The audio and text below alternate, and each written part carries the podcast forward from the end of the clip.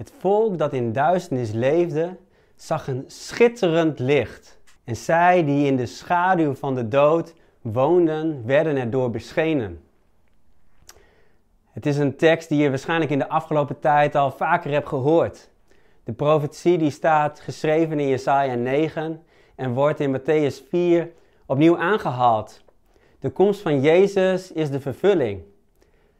En de afgelopen tijd, ja, dan zijn we in, de, in Advent toe, ja, we leven toe naar kerst. En elke week is het licht eigenlijk symbolisch ja, helderder gaan schijnen door elke week een extra adventskaars aan te steken. En het beeld van licht, dat, ja, dat wordt vaak symbolisch uitgelegd. Het is een soort oproep om uh, ja, goed gedrag te vertonen, om vrede op aarde na te streven, goed uh, ja, voor je naaste te zijn. En ja, kerst dat draait natuurlijk ook om gezelligheid met elkaar. En dat doen we dan traditioneel ja, met uh, veel lampjes in de kerstboom, met mooie kaarsen op de schouw. En het liefst natuurlijk met familie en vrienden samen lekker eten. En ja, zo kan kerst, dat, dat, dat kan ergens ook schuren. Want misschien is jouw werkelijkheid, is jouw praktijk wel heel anders. Is het niet gezellig met elkaar? Mis je juist het contact, nu dat zo beperkt mogelijk is? Of heb je in de wintermaanden last van een energiedip? Uh, het, kan, ja, het kan een beetje schuren. Het beeld van licht en duisternis, die tegenstelling, die spreekt al eeuwen ja, tot de verbeelding bij mensen. En ja, naast het, symbolische beeld, ja, laat de Bijbel in, in mijn ogen ook echt zien dat de reden is om aan te nemen dat het beeld, dat we het ook echt letterlijk mogen nemen. Het kerstverhaal zoals we dat kennen, dat begint in Matthäus 2 met een, met een ster die zo helder en zo, zo onderscheidend is dat een stel geleerden uit het oosten besluiten hem te volgen en aangekomen in Jeruzalem vragen ze aan koning Herodes, waar is dan die koning van de Joden? En, en die boodschap van, van dat naderende licht, van die, van die Messias, dat, ja, dat, dat boezemt zo'n angst bij hem in, dat hij besluit om, om geen halve maatregelen te nemen en alle jongetjes van twee jaar en jonger in, in Bethlehem en in de wijde omgeving te vermoorden. Een daad van ongekende duisternis. Maar dat verhaal van Jezus die in Bethlehem wordt geboren is niet een verhaal van, van zomaar een, ja, een geboorte, een, een soort toevalligheid. Nee, het is een verhaal dat als je daarin verdiept, er zijn door verschillende profeten al, al, al honderden jaren daarvoor, is het voorspeld. En is het tot in de puntjes, zijn al die voorspellingen uitgekomen. Het is een verhaal waarbij God de regie heeft en het is dan ook een verhaal wat niet begint in Bethlehem, maar het begint bij het begin. Het begint bij God. En zo kunnen we ook die eerste versen lezen uit Johannes 1, waar geschreven staat: In het begin was het woord. Het woord was bij God en het woord was God. Het was in het begin bij God. Alles is er door ontstaan. En zonder dit is niets ontstaan van wat bestaat. In het woord was leven en het leven was het licht voor de mensen. Het licht schijnt in de duisternis en de duisternis heeft het niet in haar macht gekregen. Johannes introduceert hier ja, Jezus als het woord. Als de God die er vanaf het allereerste begin bij was. Die zelfs betrokken was bij de schepping. Niets is buiten hem ontstaan. En die schepper God die wordt mens. En dan staat er zo treffend dat de duisternis, het beeld van Satan, dat die hem niet in haar macht heeft gekregen. Hoe graag hij het ook wilde. Hij wilde het al door, door Herodes, maar dat lukte niet. Al, al liet hij er ja, zoveel kleine jongens door voor vermoorden. Het lukte hem ook niet toen hij aan het begin van Jezus' bediening in de woestijn de gelegenheid kreeg om hem ja, te beproeven. Nee, het lukte hem zelfs niet toen hij een van zijn volgelingen, Judas, zover kreeg om zijn eigen meester te verloochenen. Ook toen lukte hem, het hem niet om het licht in zijn macht te krijgen. Nee, het verhaal van Jezus is een verhaal waarbij God de regie heeft. Hij heeft het laatste woord. En Paulus die beschrijft het in Colossensen 2, vers 15 vind ik heel treffend. Hij zegt over Jezus, hij heeft de heerschappijen en machten ontwapend. Hen openlijk aan de kaak gesteld en over hen getriomfeerd door het kruis. Halleluja. Hij is ontwapend, hij is verslagen. De strijd is gestreden en het licht zal voor altijd schijnen in ons leven. Nou, je zou haast zeggen, punt.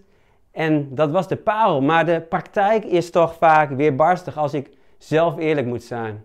Dan ervaar ik nog best wel eens wat strijd. Strijd in mijn denken. Dat negatieve gedachten of leugens in mijn hoofd komen. Strijd in mijn gevoel dat ik soms zo overvallen kan worden door, ja, door, door gevoelens van, van onzekerheid of van twijfel.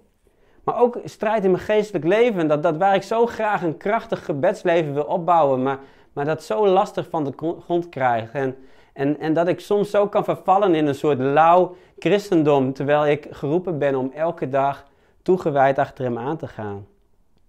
Misschien herken jij wel een van deze vormen, maar, of heb je een andere vorm van strijd of duisternis in je leven. Ja, dat, ik heb zelf het heel lang, ja, eigenlijk maar onbewust geaccepteerd, niet wetend dat er een alternatief was. En, en als je maar lang genoeg naar die leugens gaat denken en maar lang genoeg een pad bewandelt van zonde, ja, dan, dan, dan gaat het op een gegeven moment wennen. En dan, dan raak je er bijna verblind voor en dan staak je de strijd. Totdat ik ontdekte dat nou precies was wat Satan wilde. Hij wil ons in slaap sukkelen, eigenlijk ons een beetje ja, terug de duisternis in te trekken. Vergetend ja, wat onze positie en onze roeping is. Maar Jezus zegt in Johannes 8 over zichzelf: Ik ben het licht voor de wereld. Wie mij volgt, loopt nooit meer in de duisternis, maar heeft licht dat leven geeft. Ik begon de parel met die profetie waar beschreven wordt dat het, het volk dat in de schaduw van de dood leefde, dat die beschenen werd door een licht. En hier zegt Jezus dat wie mij volgt, ja, die, die zullen, zal nooit meer in de duisternis wandelen. En als ik dat zo voor me zie en, en, en letterlijk eigenlijk probeer me in te beelden, dan, dan, dan is het eigenlijk dat je zo dicht achter Jezus aanloopt, in zijn voetsporen doen wat, wat hij deed en wat hij ons vraagt. Ja, dat je eigenlijk spreekwoordelijk in zijn schaduw, maar ja, meer nog in het licht dat van hem afstraalt loopt. Waardoor je automatisch ja, in het licht bent. Afgelopen weekend hadden Bartje en ik uh, visite van familie en we gingen samen met onze neefje en nichtje gingen verstoppertje spelen. En wij wonen in een oud huis met veel spannende hoekjes en goede verstopplekken. En, maar ik, ik zou er niet aan moeten denken om in het donker te moeten zoeken. De kans was groot geweest dat ik over een van mijn uh, schoenen was gestruikeld die ik weer even had laten rondslingeren. En, en de kans was gewoon heel groot dat ik ze niet zou hebben kunnen vinden. Maar gelukkig mocht ik in het licht zoeken. En, en hoewel ze heel erg hun best deden om zich goed te verstoppen, ja, lukte het mij ook om, om ze te vinden en om ze als het ware uit het duister ja, weg te roepen. En, en zo vaak denk ik dat, dat ik en misschien jij ook wel thuis uh, ja, niet door heeft, hebt dat je, dat, dat, dat je het licht niet aan hebt staan. Dat je zelf misschien aan het strijden bent of dat je misschien in slaap bent gesukkeld. Maar Jezus die, die kwam om een overwinnend licht te brengen. En door hem aan te roepen verschijnt het licht.